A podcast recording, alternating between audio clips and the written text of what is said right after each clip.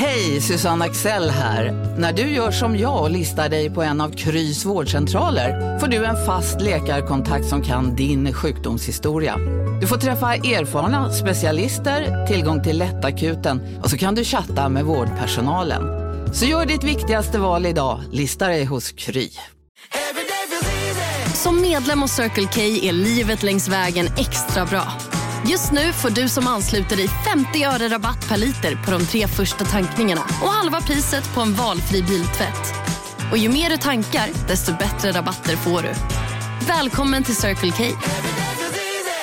Välkommen till Maccafé på utvalda McDonalds restauranger med Baristakaffe till rimligt pris. Vad sägs om en latte eller cappuccino för bara 35 kronor? Alltid gjorda av våra utbildade baristor.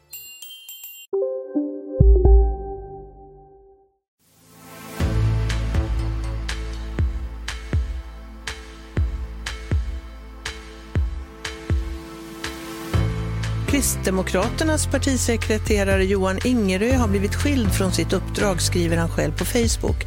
För åtta år sedan valde en partikollega att mot min vilja försöka ta sig rätten till min kropp.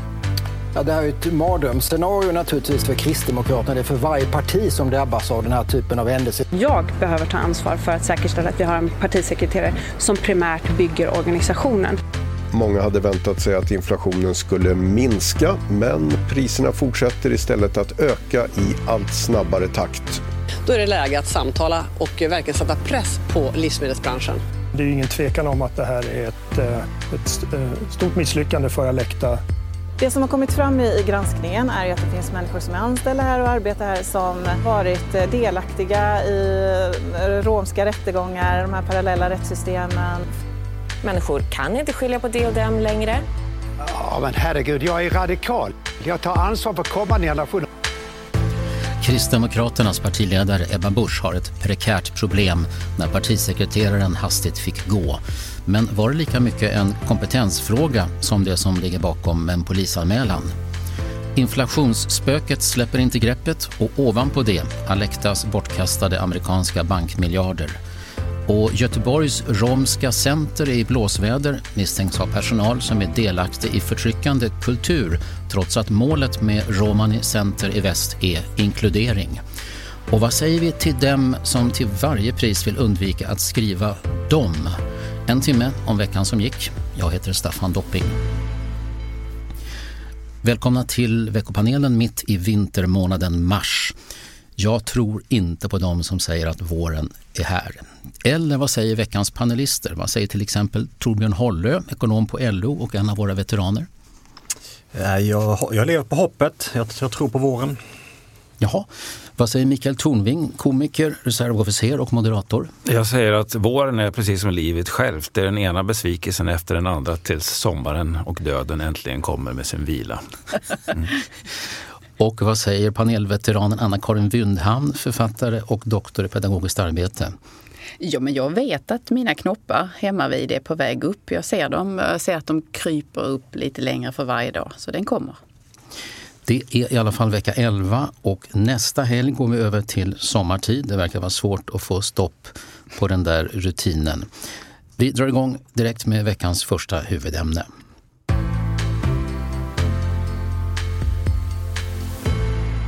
Kristdemokraternas partisekreterare Johan Ingerö skiljs från sitt uppdrag efter att en partikamrat polisanmält honom misstänkt för ofredande. Han skriver att anmälan gäller ett påstått ofredande för nio år sedan och att det som påstås inte är sant. Samtidigt skriver partiets EU-parlamentariker Sara Skyttedal på sin Facebook-sida att hon har gjort en polisanmälan mot en partikamrat som mot hennes vilja, som hon uttrycker det, har försökt ta sig rätten till hennes kropp. Från Ekot i tisdags. Ja, här har två höga företrädare för Kristdemokraterna hamnat på kollisionskurs och partiledaren Ebba Busch har alltså kommit fram till att en av de två måste lämna sin post. Ebba Busch säger visserligen inte att det beror helt och hållet på att Sara Skyttedal har polisanmält Johan Ingerö för en händelse på en efterfest efter Europavalet 2014. Så här sa Ebba Busch till Sveriges Radio i onsdags. Jag bedömer att vi behöver ha en partisekreterare som inte har som primär styrka eh, den externa kommunikationen. Utan nu när vi är fem månader in i mandatperioden då konstaterar jag att jag behöver ta ansvar för att säkerställa att vi har en partisekreterare som primärt bygger organisationen. Och för det bedömer jag att vi behöver ha en annan person på posten. Ja, vi är nog många som har lagt pannor i djupa veck när de här olika berättelserna läggs bredvid varandra. Johan Ingerö har arbetat för Kristdemokraterna sedan 2012 om än med ett uppehåll mellan 2015 och 2018. Inför det senaste riksdagsvalet var han policychef under Ebba Busch och efter valet utsågs han till partisekreterare. Men efter fem månader så tycks det som att hans kompetens inte är den rätta för jobbet. Torbjörn Holle, eh, kan du bringa rätta i det här och kan man komma över en sån här turbulens? Trots allt så är inte detta den stora utmaningen, det stora problemet för Kristdemokraterna. Det stora problemet för Kristdemokraterna det är att deras partiledare är högst ansvarig för svensk energipolitik. Och energipolitiken är enligt min bedömning den, den stora akilleshälen för, för den nuvarande regeringen. Det är ett stort misslyckande det som, har, det som har skett kring, man hade många löften inför valet. Man har inte levererat på, på de här. Det finns ett enormt missnöje med energipolitiken. Det är naturligtvis olyckligt och problematiskt att partisekreteraren har eh, råkat ut för den situation som har skett. Men den typen av problem är ju hanterbara. Man, man byter ut partisekreterare. Energi Alltså energipolitiken är ett liksom mycket mer eh, eh kvarstående problem. Ovanpå detta, detta personproblem. Anna-Karin Wyndehamn, går det att förstå det här att en händelse på en blöt fest för nästan nio år sedan blir politiskt sprängstoff på det här sättet? Men det känns som att det är ganska länge, långt ifrån den blöta festen som för mig framträder som någon slags scen ur Mad Men eller någonting sånt där. Kontra Alf Svensson som kuskar runt och jobbar dygnet runt och har sitt matpacke med. Det, det är två världar och det illustrerar för mig också eh, transformationen som KD väl är fortfarande mitt i och där striden inte riktigt är klar. Nämligen den högersväng som Bush och Ingarö och Skyttedal tillsammans har stått för och som inte har en förankring, tror jag, riktigt rätt ut i leden. Utan, och där de så kallade kärnväljarna inte hänger med. Det är på något sätt en liknande problematik som Centerpartiet har stått inför och fortfarande står i. Men att det är en maktkamp det här i främsta hand eh, tycker jag är ställt utom tvivel. Mikael Tornving, om, om du tittar på de två olika beskrivningarna, eller tre olika egentligen, om man tittar på från Ingerö, Skyttedal mm. och sen Ebba Busch som talar om att efter fem månader som regering så behöver vi en annan sorts partisekreterare. Går det ihop? Kan man förstå den här berättelsen? Nej, det kan man ju såklart inte göra. Eller jag förstår den i vart fall inte. Och det, men det, det som jag skulle vilja lyfta då, är det egentligen viktigt att förstå den? Det här är ju faktum. Det är saker som har hänt. Va? Och exakt vad som har hänt, det vet ingen av oss som sitter här i studion och ingen kommer att närmare få veta det heller eftersom det är preskriberat, den, den, eh, den åtalspunkten som togs upp. Utan eh, det är väl som det är i politiken. Man försöker hantera skiten när den dyker upp på ett så elegant sätt som, som möjligt. Det enda som inte är elegant här det är att det är uppenbart att han har tafsat. Liksom. Det tycker inte jag är. Sen att det tar det, nio har han sagt att det, det som påstås är inte sant. Ah, ja. har han, sagt. Okay. han har visserligen vi... inte berättat vad som påstås. Nej, då tar jag tillbaka det. Ja. Men, men, i detta ligger ju också Eh, det faktum att Ebba Busch före, om vi backar fem månader, då hette det att Johan Ingerö var självklar inför det, nästa val. Han var en självklar eh, centralspelare inför detta. Så det, det faktum att han då fallerar i den externa kommunikationen, eller vilken formulering hon nu använde, är ju någonting som man har kommit, det har kommit på väldigt plötsligt. Och det sammanfaller med den här händelseutvecklingen som du beskrev inledningsvis. Mm. Ehm, och till det maktspelet som utspelar sig inför Sara Skyttedals medverkan i 30 minuter. Där, när man lägger ihop de här bitarna så, så är det ju, handlar frågan om, om någonting mer än det som skedde på festen där.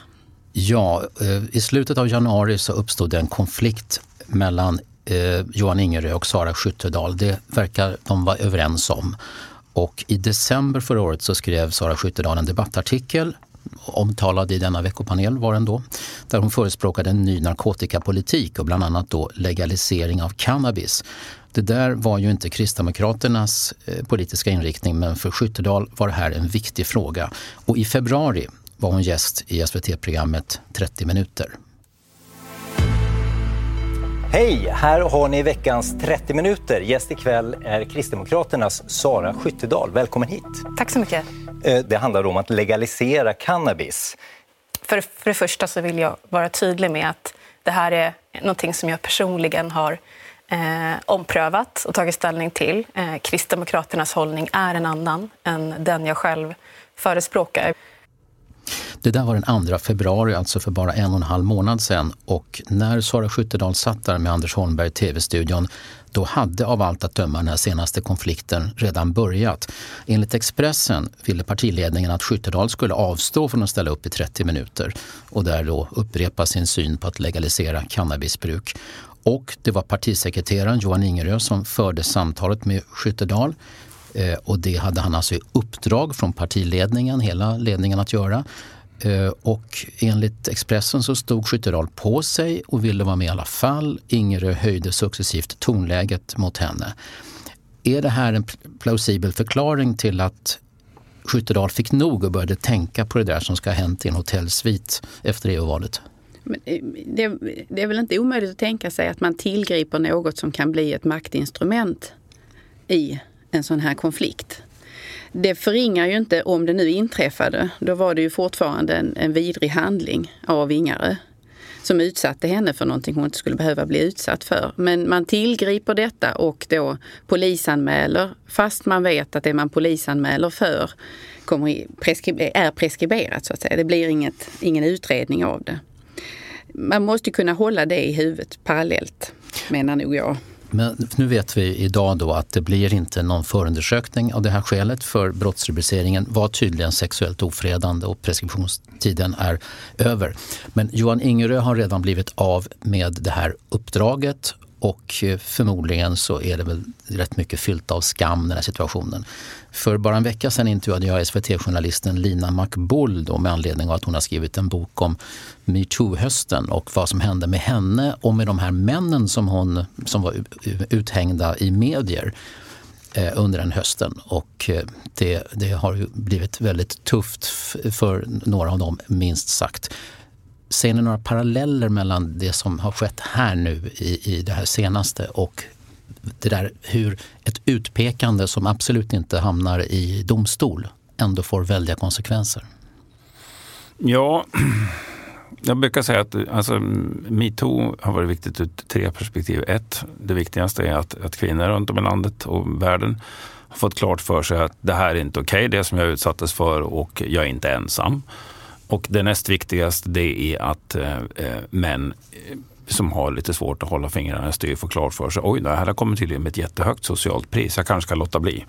Och det tredje är att chefer äntligen då börjar få klart för sig att jag kanske ska ta tag i det här som strängt taget ingår i arbetsmiljöansvaret och faktiskt säga till när jag ser sådana här tendenser och inte bara vara en jävla mes som, som slinker undan.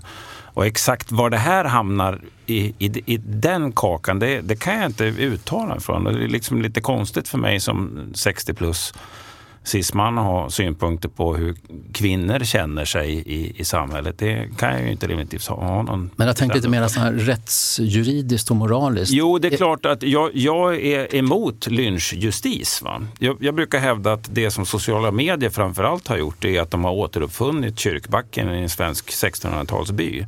Där när någon skriker då, häxa, då gäller det fort som fan ställa sig på rätt sida och skrika häxa. Annars blir man kanske bränd på bålet själv. Och jag gillar inte det. Men vad, vad kan jag göra åt det? Inte särskilt mycket.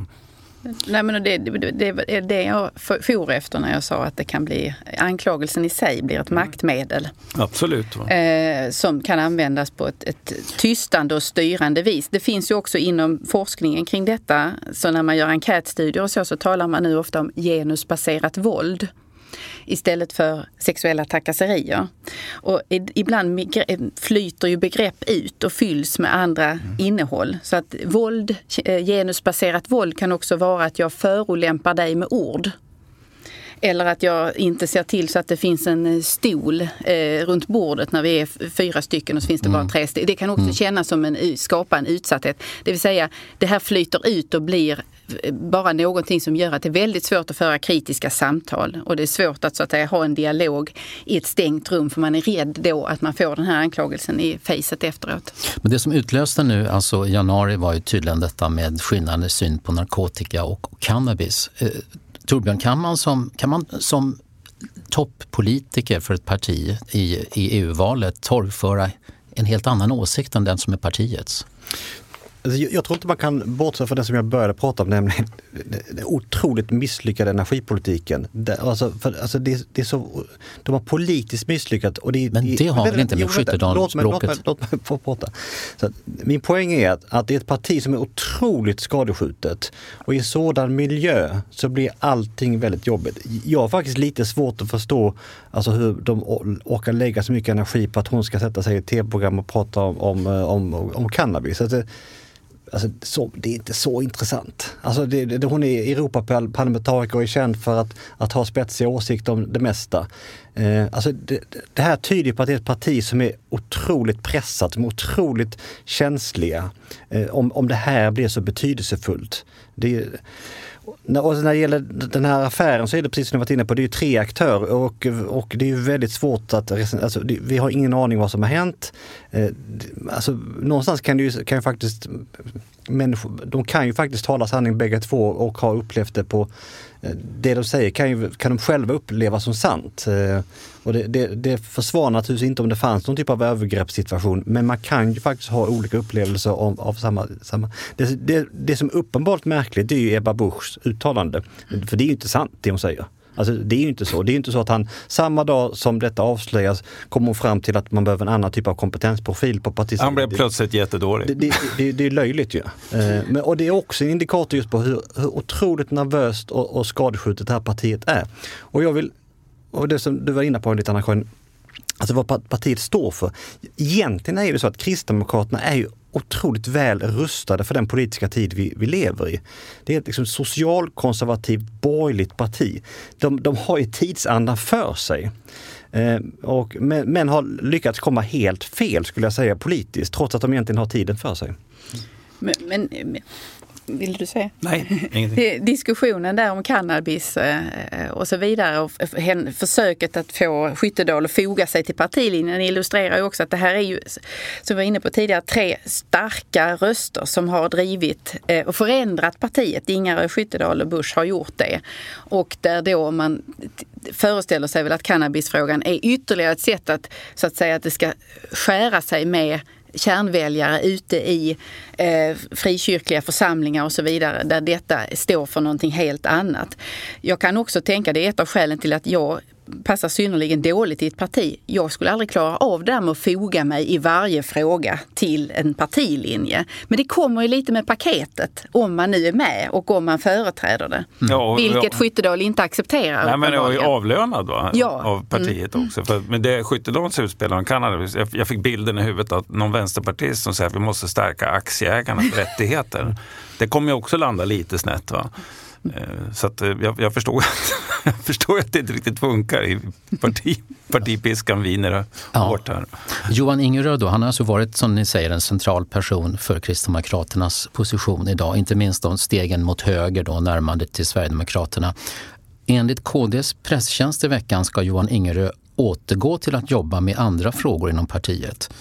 Eh, om det stämmer så blir han alltså inte av med anställningen och samtidigt uttrycker sig då partiledaren Ebba Busch så här. Hans väldokumenterade kommunikativa förmåga och politiska kunnande har kommit väl till pass. Jag vill tacka Johan Ingerö för hans många år i partiets tjänst och önska honom lycka till. Aj, vad det sved när kniven trycktes in där. Eh, men ehm, är den, det som Skyttedal nu, hennes kraftfulla reaktion på att hon man försökte då att hålla henne borta från det här programmet, att hon borde steka intervjun, som tydligen var uttrycket som användes. Drabbar det bara Johan Ingerö. Det var ju på Ebba Buschs uppdrag som man försökte få henne att avstå programmet. Vad händer med partiledaren i en sån här Men, men det som härva? har lagts i dagen är väl ett, typ av maktspel och skyfflande av skuld som jag tror händer i de flesta partier, är jag rädd. Eh, där man tvingas agera på partiledarens... Det är det som är jobbet helt enkelt, att agera utifrån det som partiledningen säger. Eh, och om det då eh, skiter sig så är det den mellanledet, budbäraren, som får ta smällen. Eh, men kommer Ebba Busch och Sara Skyttedal att fortsätta att, att ha sina tunga poster i KD och det var Ingerö som betalade priset eller hur kommer det här att sluta? Jag, jag, tror att det, alltså när, när det börjar skaka för den som är högst upp så blir det alltid väldigt jobbigt. Därför att, för att alla, alla, liksom, systemet bygger på att den som är högst upp ändå fattar rimliga beslut. Och, och om du har rätt i din i din, eh, din gissning, det har du kanske, eh, att, att, att det här liksom är gjort på Ebba Buschs eh, vägnar. Så tror jag, men det, jag är tillbaka till det, det bara visar hur skakigt och nervöst hela partiet är. Och man kommer fatta den, det ena dåliga beslutet efter det andra alltså, i, i en sån här miljö. Men får jag ställa en annan fråga? Hade de kunnat göra på något annat sätt? Med cannabisen? Ja, när, om vi börjar med, med anmälan mot Ingerö. Hade, hade det kunnat sluta på ett annat sätt att han, än att han skjuter ut sig? Jag har svårt att se det. Nej, men det konstiga är väl att inte hon eh, eh tar ändå parti för kvinnan i fråga och hennes eh, hennes perspektiv. Det är väl ändå lite uppseendeväckande. Har hon inte gjort det genom att ja, genom att han, undan Ingerö? Han försvinner ju bort va? Ja, men vi har precis diskuterat vad hon sa och det var, var väl inte ord om, de sa väl ingenting om detta. Ja, men det är ju inte första gången i världshistorien som en partiledare förklär i sammetsskruden stålhandskar. Men man har väl ett jättestort ansvar som partiledare att, att beskriva att den här typen av beteende eh, accepterar jag inte. Alltså det, det sänder väl en jättekonstig signal om, om inte hon kan eh, formulera detta på något sätt. Ja, intressant. Jag, jag, tänkte inte på det på det sättet, att hon inte tydligt... Men sen, sen ska man väl också komma ihåg att förloppet här med, med diskussionen om eh, stekintervjun, eh, jag kastar fram den här anklagelsen och återuppväcker minnet ifrån valnatten 2014. Det eh, kommer ju till Bush kännedom i slutet av januari. Och sen har det här legat och grott sedan dess. Om jag förstår förloppet rätt. Jag, I intervjun, så, mm. Aktuellt eller vad det var, så sa Bush jag fick informationen om detta och så angav mm. hon ett datum. Och det stämmer väl med det som sen Expressen har skrivit om. Mm. Det är fyra dagar innan, innan Skyttedal sitter ja. hos Anders Holmberg. Och enligt Expressen så i det här animerade samtalet när Ingerö ringer upp Skyttedal och försöker få henne att, att steka intervjun så för han också fram att hon kommer att kunna få svårt i provvalet inför nästa mm. EU-val om hon går emot partilinjen på det här sättet. Att partiet kommer inte kunna backa upp henne då mot den kritik som väntas komma. Där fick jag en sån här bild från ni vet den här tv-serien Dips. När någon har skickat en olycklig dickpic och så säger... En dickpic ja. per definition alltid olycklig. Ja, det, det, den, den här gick verkligen olyckligt. Det gick till fel person. Varpå man omber någon annan att ta på sig skulden för det här. Det var jag som skickade den istället. Ja, men då får du kryssa mig för Lissabon, blir utbytet då. Jag får en sån liten vibb här. Tjänster och gentjänster. Mm. Därmed lämnar vi KD-turbulensen och eh, vandrar vidare.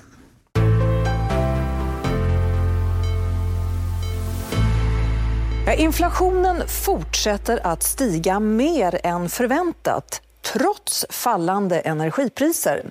Och det är stigande livsmedelspriser som ligger bakom. Faktum är att matpriserna har, inte har stigit så mycket på över 70 år. Jag vill understryka allvaret i läget. Inflationen måste dämpas. Många kämpar för att få sin ekonomi att gå ihop. Och här har också livsmedelsbranschen en viktig uppgift att fylla, att hålla tillbaka. Rapports Lisbeth Åkerman och finansminister Elisabeth Svantesson i veckan. Och eh, prisökningsvärstingen eh, är purjolöken som har gått upp med 80 procent fick vi veta. Väldigt mycket handlar den här veckan om pengar, inte bara om skenande matpriser utan också om räntehöjningar som tycks komma tätare om banker i USA som kör i diket och som i två fall har inneburit en stor förlust för svenska Alecta. Och inflationen sjunker inte som många hade hoppats och trott. Vad sägs om att vi väntar lite med ekonomen i trion, alltså Torbjörn Hollö, och så hör vi med de två icke-ekonomerna som väl också har privatekonomier och livsmedelsinköp som ska betalas. Gissar jag rätt? Jo, och jag, jag serverade faktiskt häromkvällen eh, purjolöksmackor, alltså varma smörgåsar med bacon och purjolök och ost på till mina barn. Och så sa Oj. jag, det här är verkligen lyxmat, sa jag. och det var, I min barndom var detta lite nödmat. Nästa vecka blir det löjrom som vanligt. ja, eh, mycket, mycket Tornving, vad, vad säger du om det ekonomiska jag, läget just nu? Jag säger bara att eh, jag, jag, känner en djup tacksamhet över att mina söner har flyttat hemifrån. och att jag downsizat till en liten tvåa på 38 kvadrat för ungefär ett år sedan. Så att, eh, ja, jag är tacksam över det. Mm. Eh, må många priser har ju stått mer eller mindre still i ett antal år. De som är yngst har väl liksom vant sig vid det där att det är nästan stillastående. Eh, svenska hushåll har en betydligt större andel av sina disponibla pengar på mat för 20-25 år sedan. Men när, när, det blir 22 procent dyrare på, på ett år, då gör det ont. Mm. Ja, men det, det, är ju man, alla har, har på något sätt tror jag, anpassat sig och lagt om mer eller mindre, ibland av nöden då, får man lägga om och handla helt andra varor och tänka helt annorlunda med den maten man lagar. Det som eh, trycker mig mycket i detta är när jag läser om till exempel skolbespisningen och så, där man från Eh, planeringshåll ser att barnen äter mycket mer i skolmatsalen. Mm. Och många fler skriver upp sig för mellanmål och så därför att det finns inte hemma. Så att föräldrarna uppmanar naturligtvis då att ät nu mycket för det, man kanske inte har pengar att laga, göra ett lagat mål mat på kvällen. Och att man från skolbespisningen tänker på att man har ordentlig mat på fredagar och måndagar därför att det kanske har varit skralt med maten på helgen. Och det där är, det drabbar en ju, verkligen. Det är på riktigt det här. Alltså har man legat på marginalen när det gäller matkostnader tidigare så blir det ju naturligtvis, det är inte så att de som har väldigt svårt eh, att få råd med maten, att de tidigare har käkat oxfilé och, utan de har ju redan mm. under lång tid försökt hålla nere matkontot så mycket som det bara går för att det finns inga marginaler. Och nu är, de, nu är det totalt borta. För. Torbjörn, inflationsspöket, är det ännu mer spöklikt än vad vi har trott? Jag blir lite eh, besviken. Jag tyckte det var ett skitutfall som jag formulerade eh, i veckan.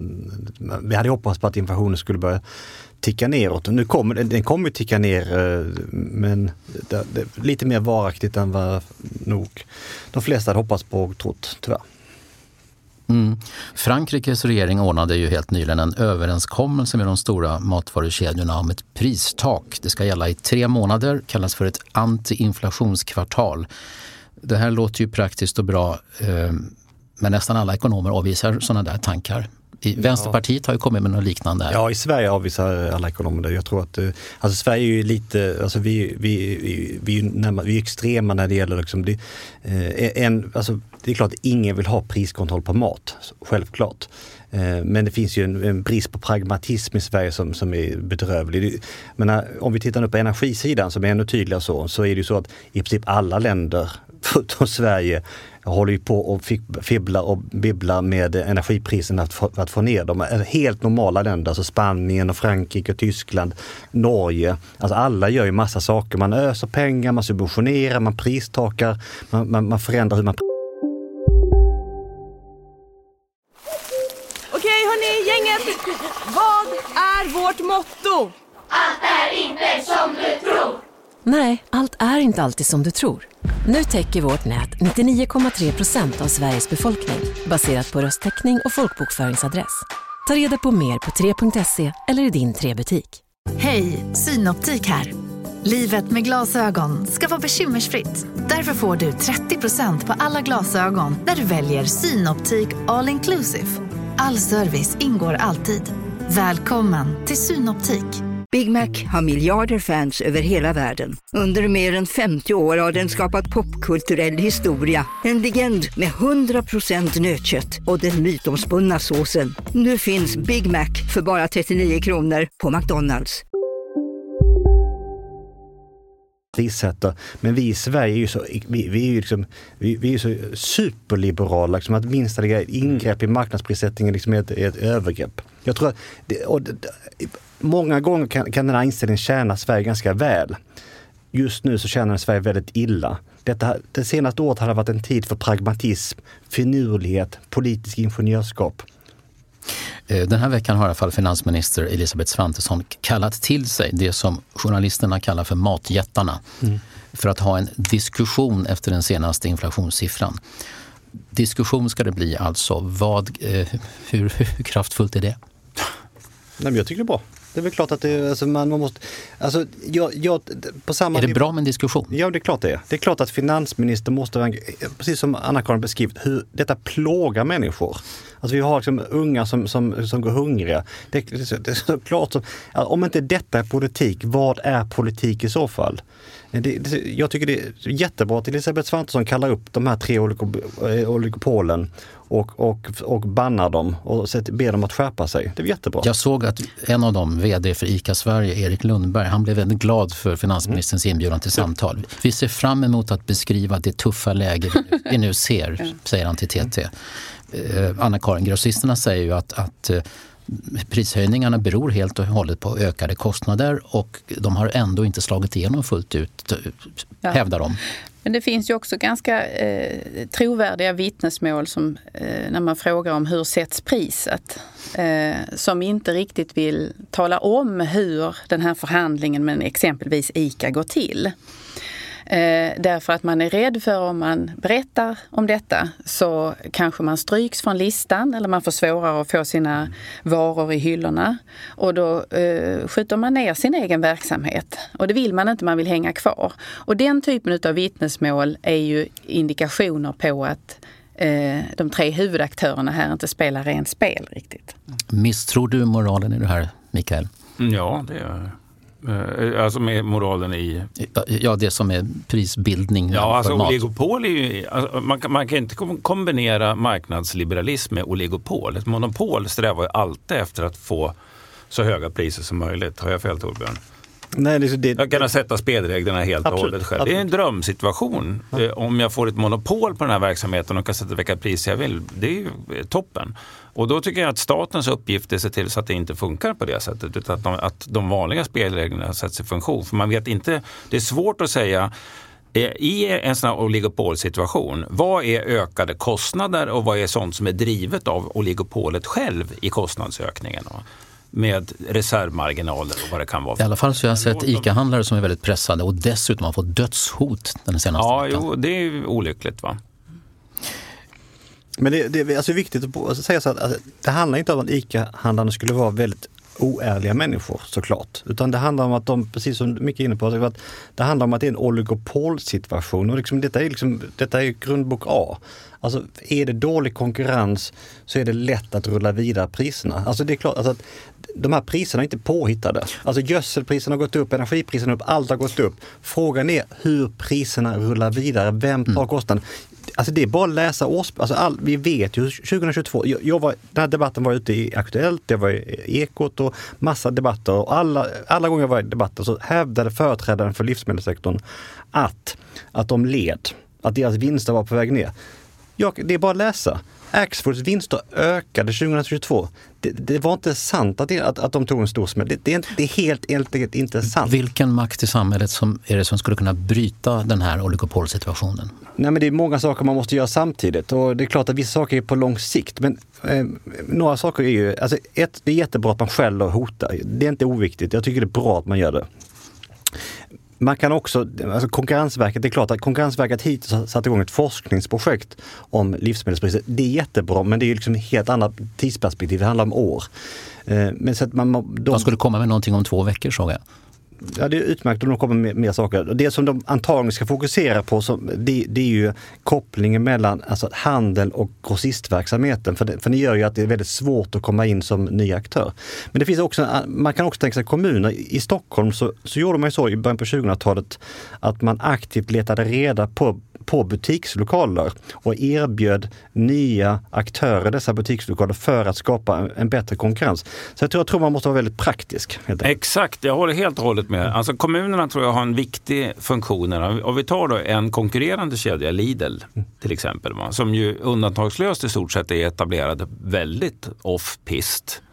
Mm. Eh, vilket gör att det är svårt för vanliga människor att liksom slinka förbi och, och jämföra. Om man ger etableringsmöjligheter för konkurrerande livsmedelskedjor så, så, tror jag också att man kommer att pressa ner priserna för då väljer konsumenterna att gå in i den billigare butiken istället. Det här med bankerna då, banker på fallrepet. Det var ju först två banker i USA, bland andra då SVB, Silicon Valley Bank, som fick punktering när den hade placerat för mycket av sitt kapital i obligationer, vilket inte är lyckat när räntorna går upp har jag Nej. förstått. Under den här veckan så har schweiziska Credit Suisse allvarliga problem. Um, Anna-Karin, vad, vad, vad, tänker du som kanske minns bankkris? Som kanske kan det här minst, skulle du säga det? Nej, men som har gott, gott minne och minns en bankkris och en svensk bankakut och sådana saker. Ja, just det.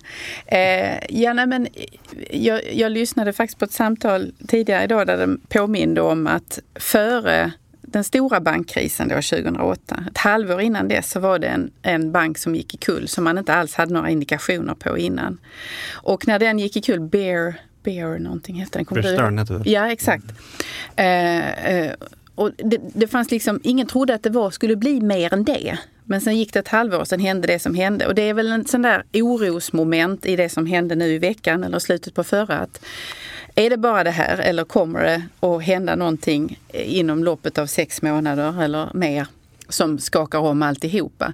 Det som jag också tänker är effekten av det är ju att eh, chockvågen det skickar i känslan av att våga ta risk eller chans i investeringar man gör eller hur man placerar sina pengar eller vad man, vad man tror om de som förvaltar ens eventuella mm. pengar. Att man där blir väldigt försiktig och att vi så att säga, det stannar av. Sånt som där, man, där vi borde ha investeringar och vilja och mod, så får vi inte det utan det, det sätter så att säga skräck i en generation. För pensions jätten, höll jag på att säga, Alecta, så blev det i alla fall inte någon bra vecka. 12 miljarder kronor upp i rök och VD Magnus Billing gästade Aktuellt i veckan. Ja, vi är mitt i analysarbetet för att utreda vad, vi, vad har vi gjort och vad har vi begått för fel och vad kan vi förbättra oss för framtiden. Så att det arbetet pågår, men det är ingen tvekan om att det här är ett eh, ett eh, stort misslyckande för Alecta, de här två bankerna som nu har hamnat i företagsrekonstruktion. Han erkände misslyckandet, Alectas VD, men sa att det här kommer i stort sett inte påverka eh, pensionärerna för att eh, Nej, det, det, en, det, är så väl riggat det här. Ja, men det var väl en eller två procent av Alectas totala kapital eh, som det här handlade om. Va? Så det är ju mm. inte, mm. det, som jag har förstått det, och då är det på det sättet ingen jättekatastrof. Men ovanpå allt... Men man kan inte resonera så som man, som man gör. För, för, för, för att det finns, ett pensionsbolag kan, kan liksom inte ha mycket större insatser i ett enskilt bolag än så. Alltså definitionsmässigt.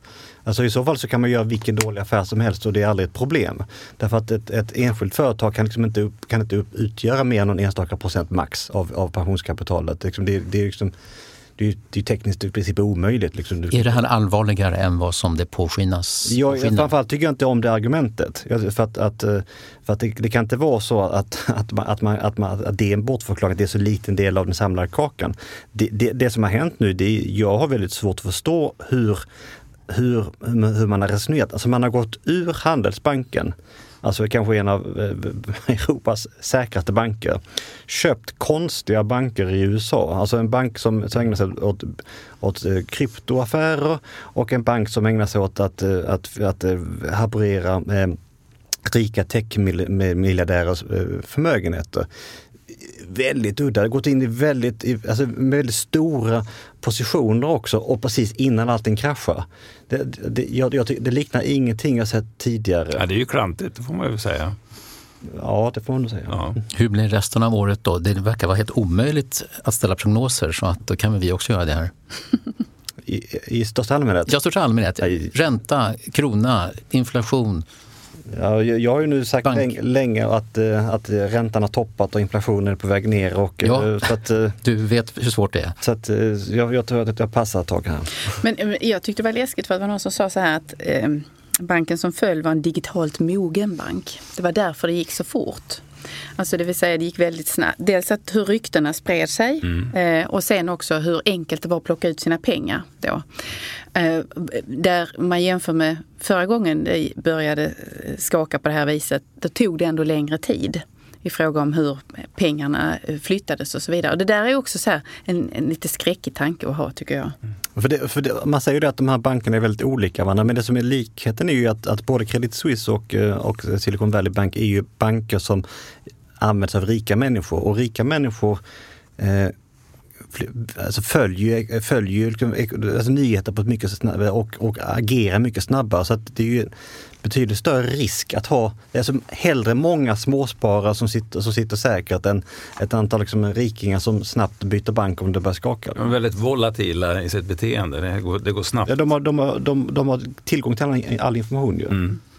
Men får jag bara kommentera? Eh, Katrin Marsall skrev idén, eh, jag, jag, tycker hon är fantastisk, eh, och beskrev att det är egentligen samma sak som händer jämt.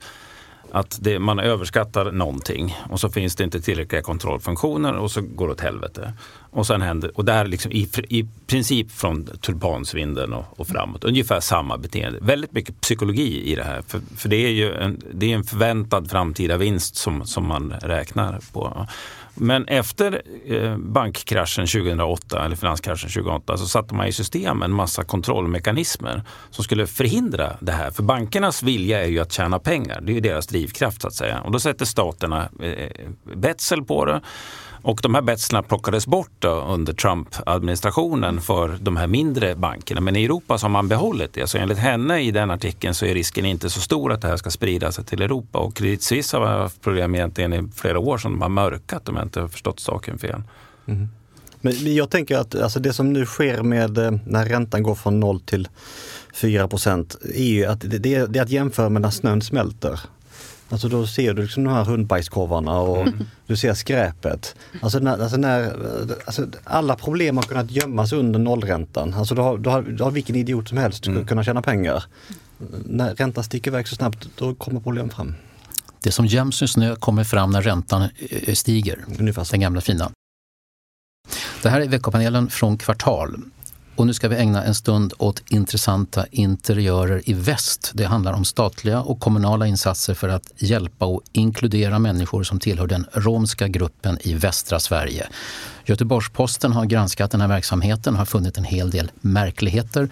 Här ett klipp från SVTs Nyheter Väst, reportern Magnus Dennert som också har intervjuat kristdemokratiska kommunalrådet Elisabeth Lann.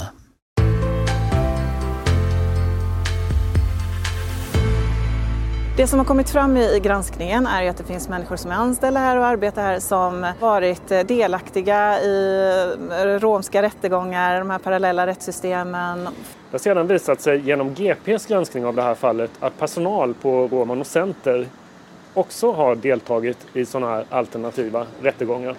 Och som en direkt reaktion på det så har nu oppositionen i Göteborg lagt fram ett yrkande om att lägga ner centret. Vi, vi ser inte att centret har förmåga eh, att komma till rätta med de här problemen sa alltså kommunalrådet för KD i Göteborg, Elisabeth Lam. Roman och Center som har funnits några år. Anna-Karin Wyndham, du är panelens företrädare för Västsverige. Vad, vad, vad är det som, som har uppdagats här? Eh, på ett sätt skulle man kunna säga att det är något slags skolboksexempel på vi har varit naiva som ofta sägs ut i Sverige när någonting uppdagas som man trodde inte alls skulle kunna bli så illa som det blev. Men jag skulle säga att det är värre än så därför att det är en, en spegel av hur eh, bitvis ganska extrema teoribildningar om förtryck och vem som är eh, offer framförallt och vem som är förövare kommer till uttryck i hur man institutionaliserar då i kommunens regi i det här fallet försök att inkludera en grupp som har haft det historiskt svårt. Eh, och när idéer då, som i det här fallet då, att felen är hos majoritetssamhället. Det är, det är vi som är majoritetssamhället som är bärare av fördomar eh, och stereotypa föreställningar om den romska befolkningen och den romska folkgruppen eh, blir det enda paret glasögon man har på sig och istället så blundar man då för den formen utav fördomar och ibland medeltida normer som finns inom gruppen i sig. Så att det hedersförtryck som har pågått inom eh, Romani Center Väst och som de har så att säga skyddat, det har man blundat för. Och, och det är oerhört graverande. Och vad jag förstår så har det blivit aktuellt till följd av den här mordrättegången i Göteborg mm. där en, en kvinna blev ihjälkörd och hennes två söner är åtalade för att ha gjort det avsiktligt. Ja. Och, och där de eh, webbsände eh, en hel del av detta eh, via Facebook om jag förstår det rätt. Och en, mycket av det som har skett i periferin här eh, i form av Romani Kris, alltså deras egna form av så kallade medlings, men det är rättegångsprocesser, eh, webbas då. Mm. Mm. Eh, Nicke Tornving, vad jag förstår så är de här, det här centret och mycket av, av de här eh, projekten och det stöd som ges på olika sätt mm. för att inkludera romska människor gjort med de bästa föresatser. Eh, mm. Varför blir det på det här viset? Helvetet är ju stensatt med goda föresatser brukar man säga. Eh, jag tror att det är en, en Låt mig omformulera det. Jag tror att det är en allmän mesighet från det svenska samhället. Vi har en individuell lagstiftning i Sverige där, där du som person är ett rättsobjekt. Eh, vi har ju inte så att, att din, din släkt döms till, till, till något om, om du har begått någonting. Vi har liksom inga blodspengar och inga sådana saker. Och land ska med lag byggas och då ska man upprätthålla den lagstiftningen för de som är, vistas i det här landet oavsett vilken kulturell bakgrund de har, tycker jag. För annars kan jag komma dragande med att i Jämtland är det så att där har vi vår tradition är att man fritt får köra snöskoter precis vart fan man vill. För det är vår kultur som är sån. Om jag hårdrar det nu. Du kan inte börja töja på de här sakerna och tillåta vissa avvikelser inom vissa grupper, hur utsatta de än har varit historiskt. Utan det är svensk lag skall gälla och den ska upprätthållas. Men, ja, jag läser en av artiklarna i, i GP då, som har gjort det här grävet. De beskriver hur det här Romano Center bjöd in till romsk matlagningskurs i Kvinnofolkhögskolans lokaler. Kursen var riktad till tjejer och svärdöttrar. Eh, och det var tillsammans med studieförbundet Bilda som skriver i ansökan om bidrag till det här att det är kvinnorna som lagar maten i romsk kultur. Och sen är även den svenska myndigheten för ungdoms och civilsamhällesfrågor, alltså en statlig myndighet, med och finansierar kursen. Eh, för att skapa en nära relation till det romiska, romska folket måste man ofta möta dem på arenor där de känner sig hemma, säger generaldirektören Lena Nyberg. Torbjörn Holle, dina tankar om det här? Jag tänker att civilsamhället är helt avgörande för Sverige. Alltså, och eh, det är något väldigt, väldigt fint i Sverige med föreningslivet. Jag själv är aktiv i, i fackföreningsrörelsen. Men det blir nog ofta väldigt fel när man med offentliga medel ska försöka subventionera fram civilsamhället. Jag tror inte det går. Nej. Eh, och, och, för, för, för, att liksom hylla facket lite grann. En sak som är skillnad med facket jämfört med nästan alla andra föreningar vi har, är att facket betalar sig själv. Facket är betalt av medlemmarna, facket är inte betalt av, av staten. Eh, jag tror att vi har i princip har tagit död på många andra delar av civilsamhället genom att överfinansiera inklusive partiväsendet. Eh, och jag tror att det här sättet att försöka få fram ett civilsamhälle för minoritetsgrupper, invandrargrupper, eh, ofta leder helt fel. De som säger så här, vi, vi blir exkluderade från, från majoritetssamhället, vi vill, vi vill komma med. Eh, Men de har Menar man det då? För att uppenbarligen så finns det ett antal traditioner och vanor, typ det här med att ha egna rättegångar som man absolut inte jag, jag gör sig av med. Jag, tillbaka, alltså, jag, tror att risken när du går in med offentliga medel det är att du, att du, att du, du träffar de, de grupperna som, som är mest medeltida. Jag uppfattar att det, verkar också ha skett när man stödjer olika typer av muslimska föreningar. Alltså de flesta, vi har fan en, en miljon människor som är liknande i Sverige som har som muslimsk bakgrund. Och de flesta har ju, ägnar sig inte åt, åt i, i, i, islam i större bemärkelse, men vi finansierar de som är väldigt hardcore i islam. Jag tror att risken att du får samma sak här. Ja. Får jag utveckla det du säger, det Torbjörn säger? Jag, jag, tycker att det är en sak på spåren där. Det är hur identifierar man vilken organisation som företräder den här ganska breda gruppen människor? hur, hur vet man det? På vilka grunder finansierar man den här verksamheten? Om vi ska ta exemplet nu då, att, att Sverige skulle drabbas av ett krig. Fyra miljoner svenskar skulle fly utomlands, till Skottland säger vi. Och skottarna bestämmer sig för att de ska stötta svenskarna in i samhället. Vad är det, vad är det som säger då att till exempel eh, eh, Maranatarörelsen eller någonting är det som representerar oss? Mm. Anna-Karin? Ja, nej, men det, problemet här är ju att Syftet var att överbrygga den förtroendeklyfta som fanns emellan det romska eh, communityt eller gemenskapen eller samhället vad vi ska kalla det och majoritetssamhället. Men i sina eh, mycket taffliga försök att göra detta så har de helt blundat eller man har accepterat då att man inte vill ha någon prideflagga exempelvis. Eh, man vill inte att man diskuterar frågor om eh, sexualitet eller ehm, variationer därvid lag. Eh, hedersfrågor när man får väldigt tydliga, alltså när kommunens företrädare får väldigt tydliga signaler om att det finns hedersnormer som är verksamma för de kvinnorna som rör sig i periferin här, så blundar man för det.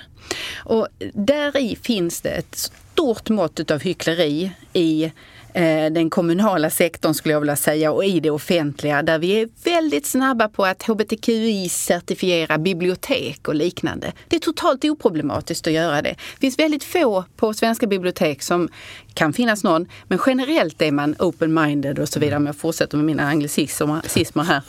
Eh, eh, men man vågar inte gå in då i härdar och så att säga säga att det är här vi måste jobba med de här frågorna och markera, apropå vad du sa Micke, att vilka värderingar det är som är grundläggande i det svenska samhället. Ja, det är lagstadgat. Ja. Va? Mm. Så det är, det är ju egentligen okomplicerat på det sättet. Det är bara det att man måste vara beredd att ta en fight. Mm. Om man ska fortsätta skjuta ner Göteborgs kommun i detta lite då, så eh, det har faktiskt varit en del granskningar, bland annat Peter Esaiasson som har skrivit i Göteborgs-Posten också om hur kommunen har in opererat föreställningen om strukturell rasism i sina styrdokument. Så till den grad att när eh, kommunens företrädare då ska meddela ett eller annat till en medborgare som sitter på andra sidan skrivbordet så får man kastat i fejset att man är rasist. Mm. Och då sätts utredningsprocessen igång och så låses hela processen och förloppet. Och det var det jag menade med att man har på något sätt anammat teoribildningar och föreställningar som gör att det alltid är avsändaren då för majoritetssamhället som bär på skulden. Jag, jag kan ju, får jag bara skjuta in en sak där. Att, att jag, jag har haft anledning att jobba utomlands och varit i, i Libanon och på, lite andra ställen. Och det, det verkar finnas en, en konstig uppfattning om att rasism bara förekommer hos vita medelålders cismän. Fråga en iranier vad han tycker om araber, eller tvärtom. Eller fråga en arab vad han tycker om nordafrikaner. Det blir en resa kan jag meddela.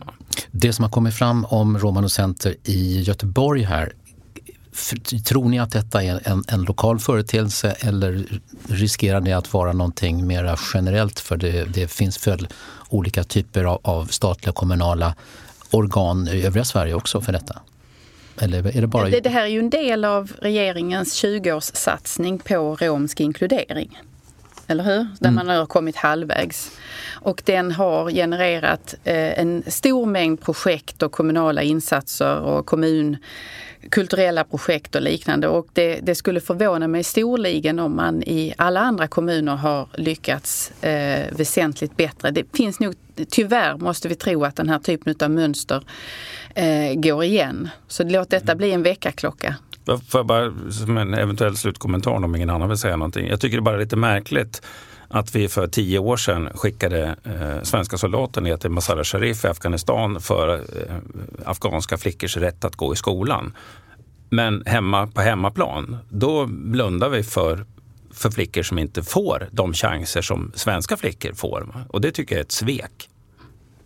Och jag vill också säga heder till den här visselblåsaren i sammanhanget. Eh, Bo, Maria Bogeland tror hon hette, som finns med i reportageserien som reagerade snabbt på detta och som gick in med vad jag förstår goda föresatser eh, och som fann någonting helt annat. Att sånt här kommer fram i ljuset eh, eh är tack vare sådana modiga personer. Och här tar det tyvärr stopp för dig som inte är prenumerant. Med Kvartal Total får du höra hela veckopanelen och dessutom fritt från reklam. Du som inte har Kvartal Total får en lite kortare podd. Och saker som ni inte ska missa på sajten eller i poddappen.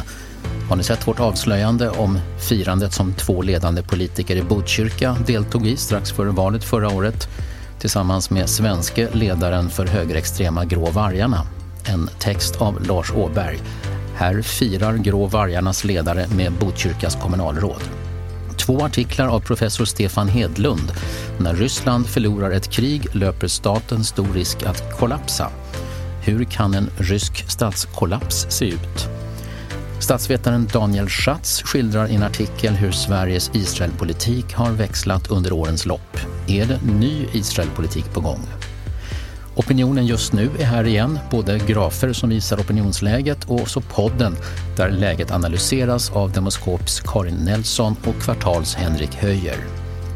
Fredagsintervjun är med Moderata ungdomsförbundets ordförande sen i höstas, Douglas Thor, blivande nationalekonom som talar om MUF som om det var ett femte regeringsparti.